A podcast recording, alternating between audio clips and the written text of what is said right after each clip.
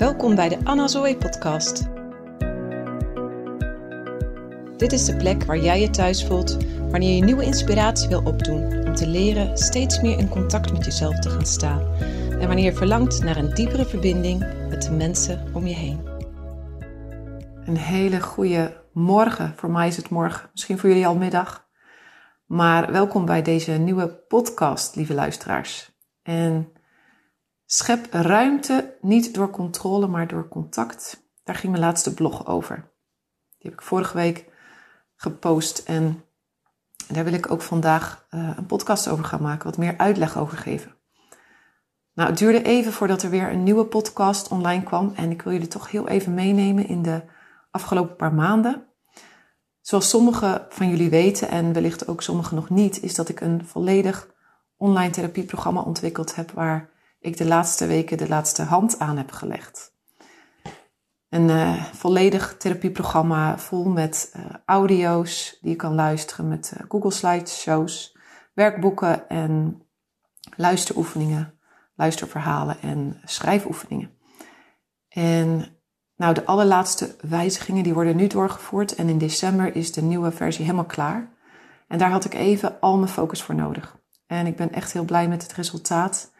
En ik hoop echt dat mensen die op zoek zijn naar hulp de weg mogen gaan vinden naar dit online programma, omdat het zoveel goeds heeft gedaan aan de mensen die me ook gevolgd hebben. En de resultaten die de pilotdeelnemers ermee behaald hebben, hebben me echt versteld doen staan. Ik ben dus ook echt enorm dankbaar om een ja, zo'n programma gemaakt te mogen hebben en dat het nu af is. En dat het een enorme steun mag gaan zijn voor mensen op weg naar herstel, op hun weg naar herstel. Nou, even terug naar mijn blog. Schep ruimte niet door controle, maar door contact. Nou, misschien herken je dat wel, dat je hoofd soms overloopt. Dat je zoveel regelzaken hebt, maar ondertussen ook nog allerlei zaken hebt lopen in de relatiesfeer met andere mensen. En dan kan het soms zijn dat je even te veel op je bordje hebt. Nou, dat gebeurt mij ook nog wel eens. Maar ik heb ook ontdekt, ik heb een aantal sleutels ontdekt, waardoor ik snel weer de weg terugvind naar die rust. En een van de dingen waar ik me de laatste uh, jaren, dagen wou ik zeggen, de laatste jaren veel mee bezighoud, is hoe kunnen we als mens rust in ons leven creëren? En ik merk dat we in een maatschappij uh, leven waar ontzettend veel behoefte is aan rust, maar dat ook zo weinig mensen hiertoe in staat zijn. Ja, velen van ons leven onder een zware druk en weten niet meer wat het is om gewoon te spelen. Hoe het is om gewoon creatief te zijn of even te niksen of gewoon helemaal los te gaan in het contact met, met jouw kinderen of andere kinderen of met vrienden, zonder dat, zonder dat tijd daarin een rol speelt. En omdat ik er zoveel over lees en mee bezig ben en ook in oefen, ontdek ik steeds meer wat ons als mensen nou werkelijk rust kan geven. En dat is niet één ding, dat zijn eigenlijk heel veel verschillende dingen. En ik ben er nu al mee bezig om daar een soort uh, boek of cursus over te maken, over het thema rust, omdat ik zo graag een aantal dingen wil gaan meegeven aan mensen over hoe je nou rust in je leven kan inbouwen. Het is best complex eigenlijk, het is best een vaardigheid. En voor nu pik ik er even eentje uit. En vorige week was dat dus voor mij ook zo weer een moment dat ik wanorde voelde in mijn denken en een gevoel van rust wilde creëren. En, uh, en ik dacht dat ik kan nu eerst proberen alles weer onder controle te krijgen en alles te gaan afvinken en te gaan regelen voordat ik begin aan uh, mijn blog, zodat ik vanuit de rust ben. Of ik kan gaan schrijven over hoe het nu is. Nou, dat ben ik dus ook gaan doen. En ook al is schrijven iets wat ik al heel mijn leven doe. Ik heb al dagboeken volgepend. En waarvan ik weet dat het rust geeft. Dit keer was het weer een verrassing voor mij om te ontdekken dat wanneer ik schrijf, en van me afschrijf wat me bezighoudt, dat daarin al een soort rust ontstaat. Want wat doe ik eigenlijk? Ik schep geen rust door alles om me heen op te gaan ruimen of andere regelzaakjes na elkaar snel af te handelen zodat ik tussen aanhalingstekens rust ervaar. Want heel vaak is dat niet hetgeen wat rust geeft. Want zelfs het scheppen van orde om je heen kan je van binnen nog heel onrustig voelen, omdat je alles op een gejaagde manier doet. Dus ik schep niet orde door om me heen alles te gaan controleren, maar in mezelf. En wanneer is dat scheppen van orde om je heen dan wel belangrijk? En wanneer is het belangrijk om stil te staan en alles om je heen juist even los te laten? Nou, scheppen van orde in je huis en je leven, dat is belangrijk. Maar het gaat erom, vanuit welke gemoedstoestand doe je dat? Doe je dat vanuit een gejaagdheid? Want als je dat vanuit een gejaagdheid gaat doen, dan maak je je overspannen gevoel eigenlijk alleen maar erger. Wat ik tijdens die blog ben gaan doen, is mezelf een weg naar binnen schrijven. En wat er dus gebeurt, is dat ik geen controle schiep door alles te gaan regelen, maar dat ik contact ben gaan maken, in feite met mezelf. Zo van, laat alles nou maar eens zijn wat, wat er is. En ga maar schrijven wat er is zonder het mooier te maken. En kijk wat er gebeurt. En ik merkte gewoon dat na het schrijven van die blog ik me helemaal opgeruimd voelde van binnen. En dit alleen maar door gedachten en zorgen en drukte neer te pennen. Alles er even te mogen laten zijn en daarmee contact te maken. Het niet mooier maken gaf al zoveel rust. En dat was voor mijzelf ook alweer een bijzondere ontdekking. Weer opnieuw. Schrijven is dus een manier die jij ook kan gebruiken om rust te creëren. En het is niet makkelijk, want heel vaak als je je zo vol voelt, hè, dan heb je helemaal geen zin om te schrijven, omdat je denkt, daar heb ik toch helemaal geen tijd voor. En je denkt dat je eerst al je klussen moet doen, of om je heen moet gaan opruimen om orders te scheppen in je hoofd, en dat je dan pas mag rusten of kan rusten. En soms helpt dat ook heel erg. Maar soms weet je ook dat je even stilgezet moet worden, omdat je jezelf aan het voorbijlopen bent. En dan heb je dus een andere manier van orde scheppen nodig. En dat is dus de orde scheppen door contact te maken met jezelf. En ik zou je echt daartoe willen aanmoedigen. Om, ook al voel je dat je geen tijd ervoor hebt en geen zin, om toch te gaan schrijven. Ik ben nu een boek aan het lezen van Mirjam van der Vecht. Zij heeft het heel veel over rust en uh, zij uh, verzorgt ook stilte-retretes. Ze heeft een boek geschreven, De Kracht van Rust, waarin ze ook schrijft over een bisschop, bisschop Angelimo uit Zimbabwe. En hij schrijft elke dag om contact met zichzelf te houden, omdat hij weet dat hij anders niet in staat is om te werken. Nou, hij zegt ook dat het schrijven zijn redding is geweest om te kunnen doen wat hij deed en nog altijd doet. En het, het is een man die zich beschikbaar wilde stellen voor rechtvaardigheid in Zimbabwe. En hij had als, als kind al de droom om zijn land corruptievrij te krijgen. En hij was als jongen al geraakt door de onrechtvaardigheid in zijn land en besloot om die rechtvaardigheid tot speerpunt van zijn beschikvaardigheid te maken. En hij zei ook: Als ik beschikbaar ben voor rechtvaardigheid, dan zal vrede vanzelf volgen. Nou, dat is nogal een uitspraak. Hè? En hij heeft een organisatie opgericht die mensen ambassadeurs van vrede maakt. Ze organiseerden bijvoorbeeld vreedzame protestmarsen en ze, ze riepen de politici ter verantwoording op en riepen op tot transparante stemcampagnes. En die beweging die was zo succesvol dat uh, bisschop Angelima uh, ja, een paar keer ook gevangen gezet is geweest in Zimbabwe. Nou, en in de gevangenis in Zimbabwe zitten, dat is geen pretje, want uh, ja, er is misbruik daar, intimidatie, slechte hygiënische omstandigheden, in koude cellen met vieze dekens of helemaal geen dekens. En er gebeurden nog veel meer heftige dingen daar. Dus hij heeft nogal wat, wat, het heeft hem nogal wat gekost om dit te kunnen doen, om zich beschikbaar te stellen voor die rechtvaardigheid. Dus het ook nog eens zo dat hij een gezin met drie kinderen had en hij dus best wel gevaarlijk werk deed en doet. En dus zorgvuldig om moet gaan in zijn organisatie want het gebeurde ook wel eens dat spionnen van geheime diensten infiltreerden. Nou, zijn hele leven is hij beschikbaar geweest voor die rechtvaardigheid. En dan komt er ook nog eens bij dat deze man blind is. En zijn vrouw dus met hem overal naartoe ging.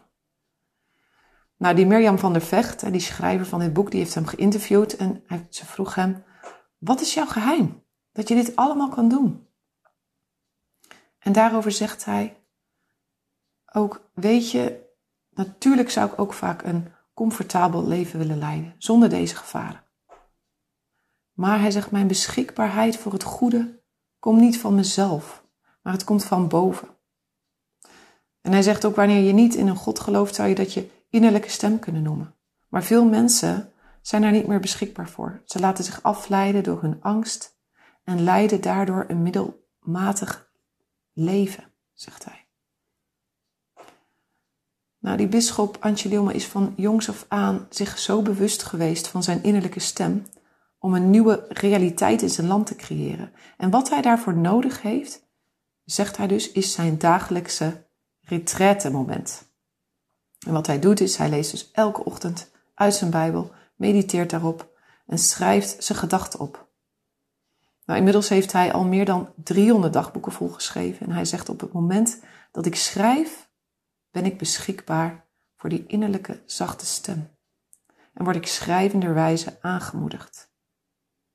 Dus hij is eigenlijk beschikbaar voor zichzelf, maar daardoor ook voor de stem van God eigenlijk in hem. En hij zegt ook, de woorden die hij ontvangt in zijn dagboeken, dat die hem helpen in tijden van onrust en een soort voorraad zijn. Hij zegt ook, wanneer ik rust en werk niet zou afwisselen, dan zou ik het niet kunnen volhouden. En hij moedigt ons aan. Vandaar die quote die ik ook in mijn blog heb geschreven. En die quote was: De essentie van ons mensen is onze geest, onze spirit. Zorg dat je daarnaar terugkeert. Elke keer weer. En leer te luisteren naar die kleine, stille stem. En offer je geweten niet op aan de drukke of de gevaarlijke maatschappij. Het is een schat je moet bewaken, want hiertoe ben je als mens geroepen. Dat is een uitspraak van bisschop Angelimo. Heel mooi.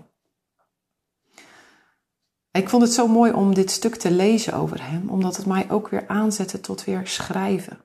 Kijk, er zijn soms periodes dat ik helemaal niet schrijf, omdat ik denk dat ik het minder nodig heb. En juist het schrijven helpt me elke keer weer om dat contact met mezelf te ervaren. En misschien ben jij helemaal geen schrijver. soms hoor ik mensen wel zeggen: Ja, maar ik ben helemaal geen schrijver, dat past niet bij mij. En dan zeg ik wel eens: Weet je, wat je ook kan doen is neem het op op een geluidsrecorder. Ga eens hardop je soort van je dagboek verwoorden over hoe je je voelt over wat je bezighoudt, over wat je zou willen, over wat je teleurstellingen zijn.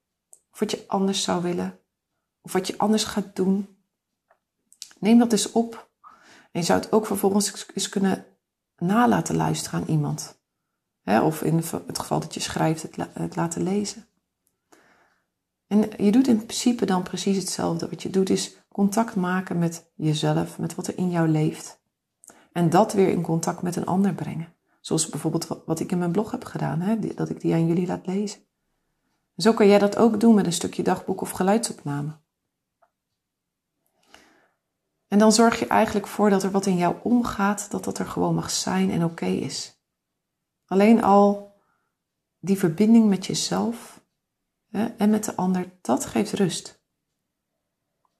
Dit is dus een hele andere manier van orde scheppen in jezelf dan Via de manier van controle, die soms ook helpt. Je huis opruimen en je regelzaken regelen of je werk doen, is soms ook heel fijn en ook belangrijk, ook nodig.